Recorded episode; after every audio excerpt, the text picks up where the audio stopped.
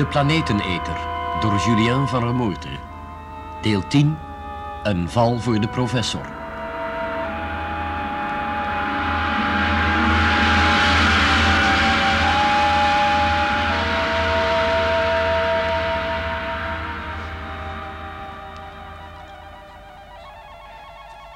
Ik geloof dat iedereen zal moeten toegeven dat Erika mij een fantastisch verhaal heeft verteld. Als ik het nou nog even bij mezelf doorloop, klopt alles perfect. De eerste waarnemingen van de grote maanbeving. Het uitvallen van de radioverbindingen. Het werk aan boord van de ruimtelabs. Dan de grote catastrofe op 29 juni 2084. Het openklappen van de maanzuidpool en de verschijning van de zogenaamde planeteneter. Het vergaan van Beta 1. De reacties van de bemanningsleden van aan boord van Beta 2. En tenslotte de mislukte poging om in een veilige baan te komen. Nee, nee, nee, het klopt allemaal precies. Maar het wordt de hoogste tijd dat ik even mijn werkterrein verleg, want vooral de mensen van de wetenschap zullen in deze zaak het laatste woord hebben. En dat zoiets een enorm lastige zaak is, ondervond ik al tijdens een eerste gesprek met professor Hinden, de eminentste natuurkundige die de Noordzeebasis rijk is. Hij ontving mij in zijn prachtige werkkamer op de 42e verdieping van de spiraaltoren die onze hele kust beheerst en die in de wandeling de geleerde toren wordt genoemd. Het gebouw was voorzien van de nieuwste snufjes. Een verrukkelijk uitzicht op de smalle strook duinen die de 20e eeuw had overleefd en op de zee.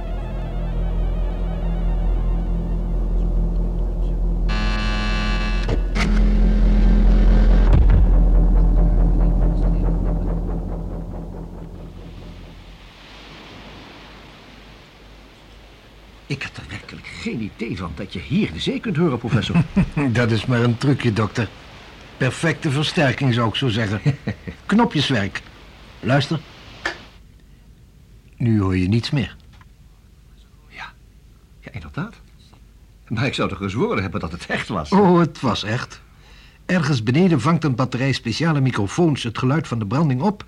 en dat wordt dan op een volmaakte wijze overgebracht. En wij genieten hier tevens ook van de echte zeelucht. Heerlijk en gezond. Schitterend. Ja, wij hebben geleerd het aangename met het nuttige te verenigen. Wel, als ik uw secretaresse goed heb begrepen... bent u momenteel bezig aan een diepgaand onderzoek van de beta-2-bemanningsleden. Inderdaad. Maar daar zijn... eh, laat ik dan maar meteen met de deur in huis vallen, dokter Kimball. En u zeggen dat u voor een verloren zaak werkt. Dat is eerlijk mijn overtuiging. Ja, neemt u me niet kwalijk, maar wat bedoelt u daarmee? Dat is toch voor de hand liggend? Ik heb de feiten grondig bestudeerd. Banner en Trogild hebben mij geassisteerd. We hebben voor zover het mogelijk was alles ter plaatse gecontroleerd. De conclusie zal onveranderlijk luiden dat de bemanningsleden van Beta 2 aan hallucinaties lijden. De eigenlijke conclusie moet toch van een psychiater komen, professor? Goed, maar die psychiater zal zich moeten baseren op het getuigenis van natuurkundigen. Of meent u dat de fysica geen kroongetuige is in deze zaak? Juist, dat zal een van mijn problemen zijn. U bent er niet van overtuigd? Mijn houding in deze kwestie is dat ik niet per se mag overtuigd zijn, in welk opzicht dan ook. Ik, ik moet gegevens verzamelen, ik moet ze ordenen, bestuderen... en pas dan mag ik conclusies trekken. Schitterend. Dan gooi ik meteen maar een pak gegevens voor uw voeten als u mij de uitdrukking niet kwalijk neemt. Ten eerste, de kracht die materie van het maanoppervlak losscheurde en in de ruimte wierp, kan onmogelijk zo groot zijn dat zij die materie praktisch de snelheid van het licht gaf. Ten tweede, veronderstel dat wat ik daar even zei toch waar kon zijn, dan zou de botsing van een klein fragment materie, laten we zeggen een stuk rots van een vuist groot, met een ruimtelab zo geweldig zijn dat het lab ogenblikkelijk in rook zou opgaan. Ten derde... Ten tweede, werd bevestigd, professor. Berte 1 verging in een lichtflits. Prachtig opgemerkt, maar onmiddellijk ontzenuwd door ten derde, want in de veronderstelling dat de puinstroom inderdaad de snelheid van het licht of nog maar de helft daarvan bezat, dan staat het vast dat de aardse dampkring praktisch alle waarden zou verliezen als afweerscherm.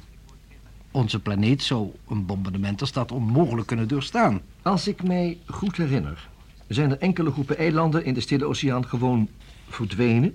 En dieptepeilingen hebben aan het licht gebracht dat de oceaanbodem op sommige plaatsen enorme scheuren vertoont. Mijn waarde vriend, ik vestig er uw aandacht op dat ik niet heb beweerd dat de maanfragmenten die op aarde neerkwamen geen grote snelheid Eh, bezaten. hoe groot was die snelheid? Dat valt niet met zekerheid te zeggen. Hebt u zelf de catastrofe waargenomen? Ja, als amateur zo'n beetje. Zoals miljoenen mensen overigens. Maar alle fysici en alle sterrenkundigen hebben dag en nacht de allerbeste waarnemingsposten bezet. Gewapend met de allerbeste instrumenten waarover zij de beschikking hadden. Elk scheurtje op de maan, al was het maar één centimeter lang, werd waargenomen, gefotografeerd en bestudeerd. Het puikje van onze wetenschapsmensen spitste heel zijn aandacht op wat aan het gebeuren was. En toen opeens, de 29 juni, barst het los. Eén enkele geweldige eruptie. Zo snel, zo enorm, dat er gewoon geen tijd was voor behoorlijke metingen. En vergeet niet dat wij onder kolossale druk stonden vanwege de regeringen. Wij waren ertoe verplicht een uitputtingsslag te leveren om plausibele, kalmerende verklaringen op te stellen. Of herinnert u zich niet de beroering die ontstond toen bepaalde godsdienstige secten proclameerden dat het lang verwachte einde van de wereld eindelijk gekomen was? U als psychiater kunt zich toch wel voorstellen hoe paniek vernietigend kan werken op welke maatschappelijke orde dan ook. Ik zie dat u overtuigd bent. Excuseer, ik verzamel gegevens. En u ordent ze en trekt daar conclusies uit. Wel nu? Wat denkt u van het eventuele bestaan van de zogenaamde planeeteter? De tijd dat ik nog in sprookjes geloofde is lang voorbij, waarde vriend. Gelooft u in het bestaan van levensvormen buiten datgene welke wij hier op aarde kennen? Mijn persoonlijke overtuiging is dat het leven een universeel verschijnsel is. Maar dat kan ik niet bewijzen. Ik kan alleen vaststellen dat het heelal opgebouwd is uit een aantal elementen die wij grosso modo terugvinden in alle sterrenstelsels. Dus u bent er persoonlijk van overtuigd dat leven zich onder alle mogelijke vormen kan voordoen? Dat heb ik niet beweerd. U moet mij geen woorden in de mond leggen die ik niet uitspreek. U gelooft dus niet in het bestaan van de planeeteter? Gelooft u in het bestaan van een wezen dat sterren legt als eieren? Zou dat onmogelijk zijn? Dokter, het heeft echt geen zin dit gesprek een dergelijke draai te geven. Er is in de geschiedenis ooit sprake geweest van een discussie over het geslacht van de engelen. Neem me niet kwalijk, maar mijn tijd is te kostbaar om hem te verliezen in een steriel woordenspel. Oh, maar ik verzeker u dat zoiets totaal buiten mijn bedoeling ligt. Misschien vindt u mijn vragen beneden alle pijlen. En ik geef toe dat ik een leek ben op uw terrein, maar voor mij is elk detail belangrijk. Goed, ik begrijp hoegenaamd niet hoe u als bekend en erkend psychiater niet inziet dat de drie mensen van Beta 2 gewoon slachtoffers waren van omstandigheden waarin minder sterke persoonlijkheden als zij krankzinnig zouden worden. Ook dat overweeg ik, professor. Neem dan van mij aan dat ze op een bepaald moment krankzinnig waren. Daarmee is alles opgelost. Werd de Stille Oceaan onderzocht op de aanwezigheid van een wezen dat de planeeteter zou kunnen zijn? We hebben niets aan het toeval overgelaten. Nu nog tekenen duizenden seismografen over de gehele aarde elke beving van de aardkorst op. En reken maar dat wij elke beving met de grootste aandacht bestuderen. Is goed, zijn er in dat verband dan wijzigingen vast te stellen... vergeleken bij de toestand voor de grote maanbeving? U bedoelt waarschijnlijk of sindsdien het aardbevingspatroon gewijzigd is. Nou, in zekere zin wel. Maar dat kan heel gemakkelijk verklaard worden. Zoals u zich herinnert werd tijdens de grote maanbeving ook onze aarde geteisterd door een serie nogal belangrijke bevingen. Gelukkig lagen de epicentra buiten de dichtbevolkte gebieden. U moet inderdaad niet vergeten dat aarde en maan elkaar enorm beïnvloeden. Denken we bijvoorbeeld maar aan het verschijnsel eb en vloed. En omdat onze maan momenteel nog in een, wat wij labiele toestand noemen, verkeert... zijn de gevolgen daarvan voor onze planeet onontkoombaar. Alles binnen beperkte grenzen uiteraard. We hebben vastgesteld dat het aantal aardbevingen opnieuw naar het normaal peil gaat. De curve daalt constant. We hebben goede hoop dat de toestand over enkele jaren gestabiliseerd zal zijn. Zo, dat is werkelijk alles wat ik u erover kan vertellen, dokter. Echt, u zou er eens een diepgaande studie over moeten maken. Niets is boeiender. En u zult kunnen begrijpen dat ik een eind aan dit gesprek moet maken. Men verwacht mij over anderhalf uur in Londen voor een belangrijke voordracht. Eh, pardon, nog één vraag, professor, als het mag. Goed, goed, goed, als het mag. Ik luister. U hebt gezegd dat wij qua aantal aardbevingen opnieuw naar een normale toestand gaan. Dus de toestand zoals die was voor De grote maanbeving. Precies. Veronderstellen wij nu eens dat in de nabije toekomst plotseling een serie hevige aardbevingen onze planeet zou teisteren. En dat die reeks spoedig daarop door een nieuwe gevolgd zou worden. Enzovoort, enzovoort. Welke zou dan uw conclusie zijn? U stelt uw val al te doorzichtig op mijn waarde. Want zelfs in dat geval ben ik er zeker van dat de zogenaamde planeteneter een fictie is.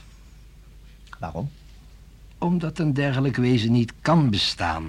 Persoonlijke overtuiging of wetenschappelijk bewezen feit? Eerder het eerste, vanzelfsprekend. En wat voor verschil maakt dat dan uit met de overtuiging van de beta-2-bemanning? Tenzij, tenzij, dat deze beide overtuigingen diametraal tegenover elkaar staan. U ziet, mijn waarde professor, dat het valletje toch is dichtgeklapt.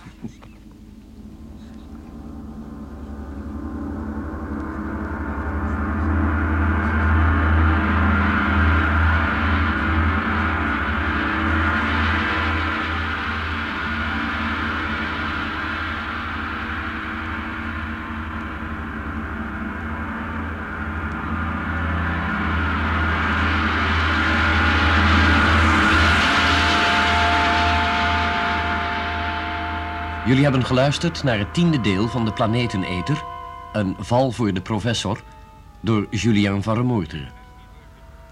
Rolverdeling, Dr. Karel Kimbal, Jan Borkes. Professor Hinden, Frans Somers. Technische realisatie, Tom Prudon en Bram Hengeveld. Regie, Bert Dijkstra.